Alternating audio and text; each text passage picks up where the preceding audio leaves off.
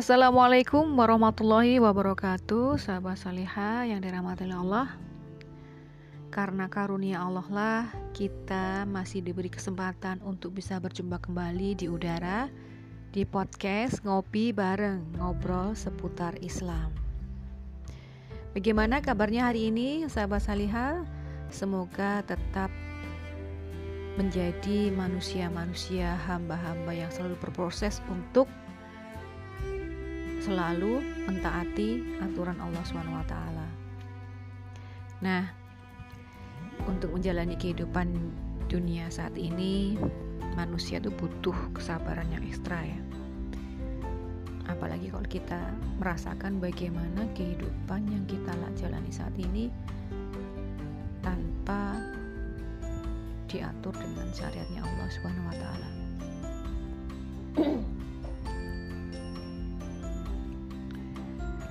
Dalam Quran surat Luqman ayat 31 Allah SWT berfirman Tidakkah kamu memperhatikan bahwa sesungguhnya kapal itu berlayar di laut dengan nikmat Allah supaya diperlihatkannya kepadamu sebagian dari tanda-tanda kekuasaannya?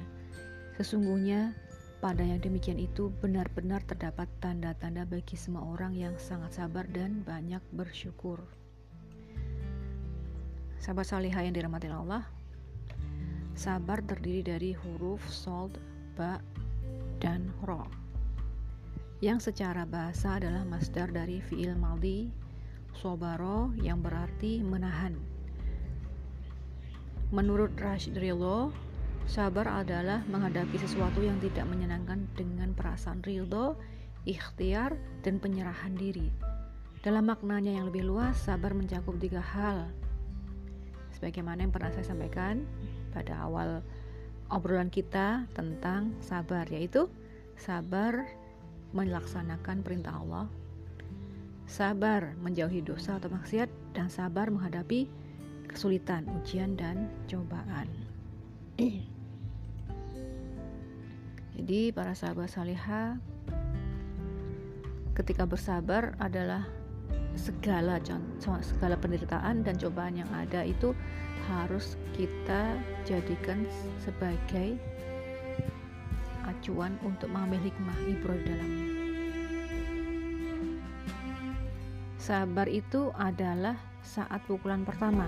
Jadi maksudnya gini ya Pak sahabat seliha. Sabar itu di awal musibah atau di awal ujian. Bukan setelah marah-marah habis-habisan baru sabar, baru reda. Bukan itu. Jadi yang dinyamakan sabar itu yang mulai dari awal itu. Dari awal ketika kita mendapati suatu peristiwa yang ada di depan kita atau yang menimpa kita ya itulah sabar itu harus ada di awal waktu bukan setelahnya. Karena kalau kita dapat di saat ini ya sudah umum adanya dan ini ini pun juga saya sendiri juga sering mengalami dalam artian begini. Kadang kalau ada sesuatu peristiwa tertentu yang membuat emosi tak tertahan itu kan biasanya marah-marah nggak karu-karuan ya. Marah-marah habis-habisan gitu ya sahabat salihah. Nah baru setelah marah nggak karu-karuan baru ketika sadar setelah sadar kita berusaha untuk merenungi diri bener nggak sih tadi? Nah ternyata yang namanya sabar itu letaknya di awal di awal waktu tadi sebelum kita itu menjadi sosok monster yang suka marah-marah habis-habisan bukan? Nah itu beda lagi itu berarti sudah bukan nggak sabar lagi itu kalau kita melihat fakta seperti itu. Ini saya mencontohkan saya diri saya sendiri ya sahabat soleha. Dan harapannya para sahabat soleha tidak seperti saya adanya. Saya sendiri juga masih berproses ya. Masih sering kali ya ketika menghadapi suatu peristiwa itu senantiasa masih mengedepankan. Mengedepankan karena kadang terlupa terlupa dengan sabarnya akhirnya apa yang terjadi? Emosi yang lebih didahulukan. Nah, PR ini PR buat saya sendiri pribadi dan tentunya semoga ini menjadi berbagi berbagi bagi berbagi untuk para sahabat salihah terkait dengan masalah sabar ini. Sabar memang sangat mudah diucapkan secara lisan, tapi suatu hal yang tidak mudah untuk dilakukan. Walaupun ya tetap kita berproses selalu berproses menjadi manusia yang lebih baik, menjadi manusia yang selayaknya nanti bisa menjadi hambanya Allah Subhanahu wa taala yang senantiasa merujuk segala aktivitasnya semata-mata untuk mencari ridhonya. Sedangkan syukur al-syukur adalah bentuk masdar dari kata kerja lampau syakaro Maknanya adalah mengakui nikmat dan menampakkannya. Lawannya adalah al-kufur, melupakan nikmat dan menyembunyikannya. Hakikat syukur adalah sikap positif dalam menghadapi nikmat yang mencerminkan hubungan timbal balik antara penerima dan pemberi nikmat. Dalam pandangan Imam Al-Ghazali, syukur merupakan salah satu makom untuk mendekatkan diri kepada Allah Subhanahu wa taala. Jadi para sahabat salihah atau bisa dengan kata lain ya, bahasa sederhananya adalah syukur itu artinya selalu berterima kasih atas apa yang ada seberapapun kecilnya. Bahkan orang yang bersyukur saat musibah terjadi selain beriman dia akan jadi orang yang bahagia. Meski berikhtiar dengan sungguh-sungguh dan berdoa, dia selalu tawakal kepada Allah. Apa pun hasilnya, dia terima sebagai takdir keputusan Allah untuk dirinya. Itulah yang terbaik meski itu pahit bagi dirinya. Sebagaimana hadis riwayat Al-Baihaqi. Iman terbagi menjadi dua, separuh dalam sabar dan separuh dalam syukur. Dan tidaklah sama kebaikan dan kejahatan. Tolaklah kejahatan itu dengan cara yang lebih baik maka tiba-tiba orang yang antaramu dan antara dia ada permusuhan seolah-olah telah menjadi teman yang sangat setia.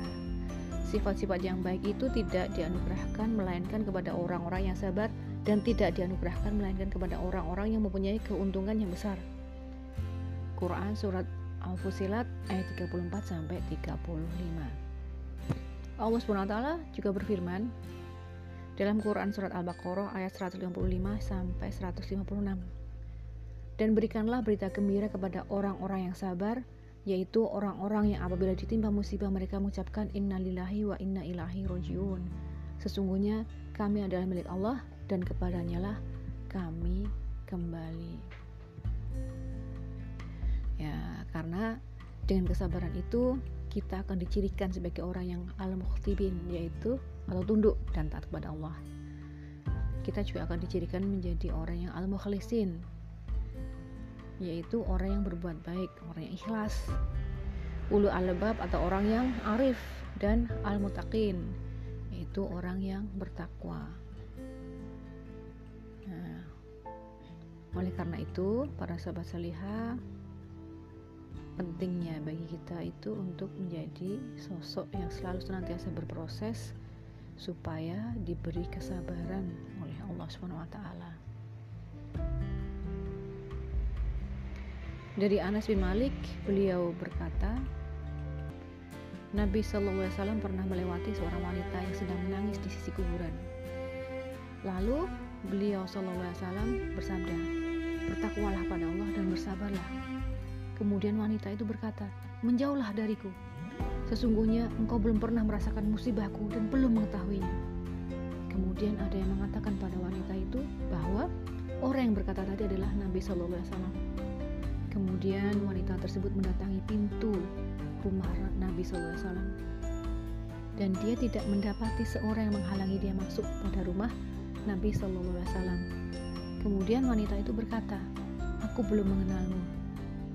Lalu Nabi SAW bersabda, "Sesungguhnya sabar adalah ketika di awal musibah." Hadis riwayat Bukhari, masya Allah. Jadi ternyata sabar itu di awal musibah ya sahabat salihah. Bukan setelah marah-marah. Setelah marah-marah itu bukan sabar lagi. Kita sudah banyak meratapi nasib mungkin ya. Merasa bahwa seolah-olah menjadi sosok manusia yang paling menderita sedunia.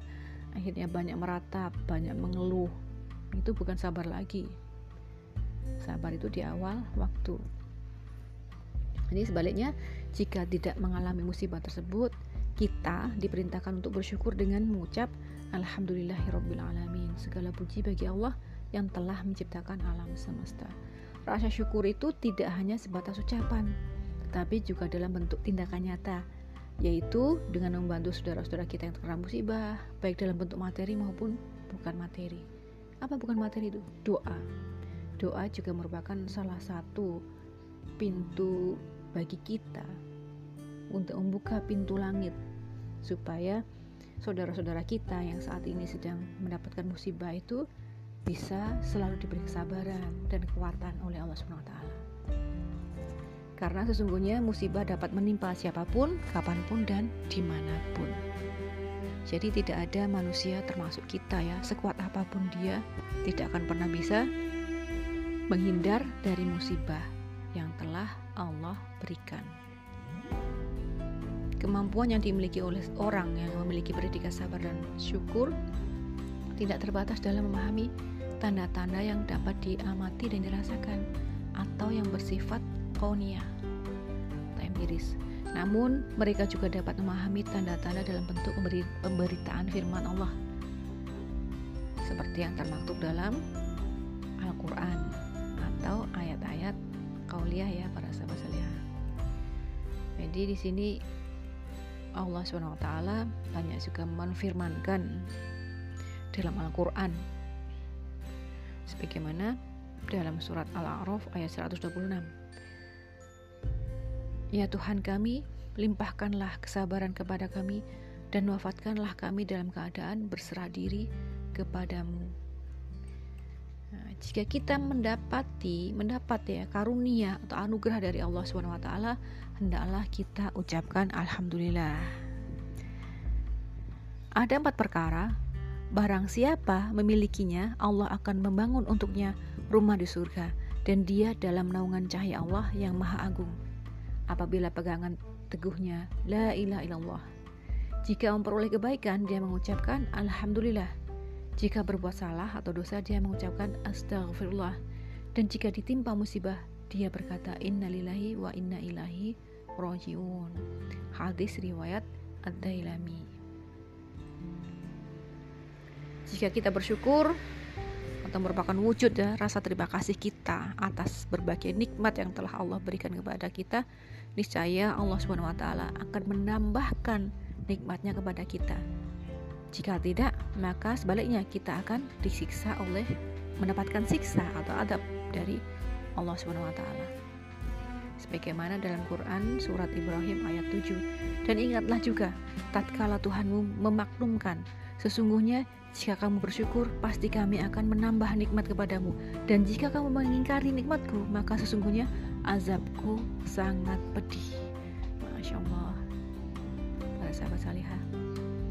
Begitu juga dalam Quran Surat An-Nisa ayat 147. Allah berfirman, Mengapa Allah akan menyiksamu jika kamu bersyukur dan beriman?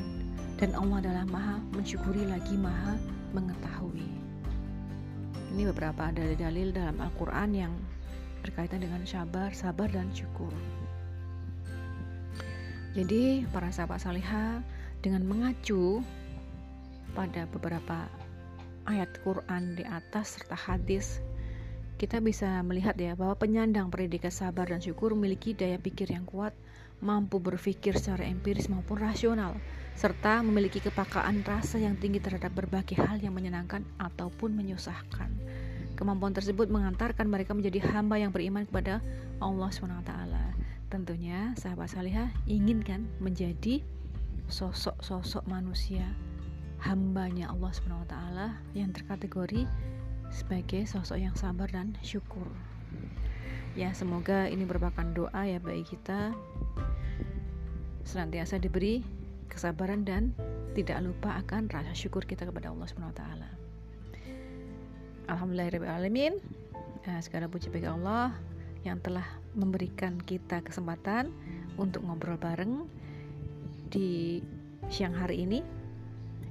Semoga ini menjadi ya sesuatu yang bermanfaat bagi sahabat salihah dan terkhusus juga bagi diri saya sebagai pengingat agar senantiasa selalu berproses tidak lelah berproses menjadi hamba menjadi manu atau menjadi manusia yang sabar dan senantiasa bersyukur. Insya Allah untuk sementara waktu ini yang bisa saya sampaikan kurang lebihnya mohon maaf. Intinya syiratul mustaqim. Wassalamualaikum warahmatullahi wabarakatuh.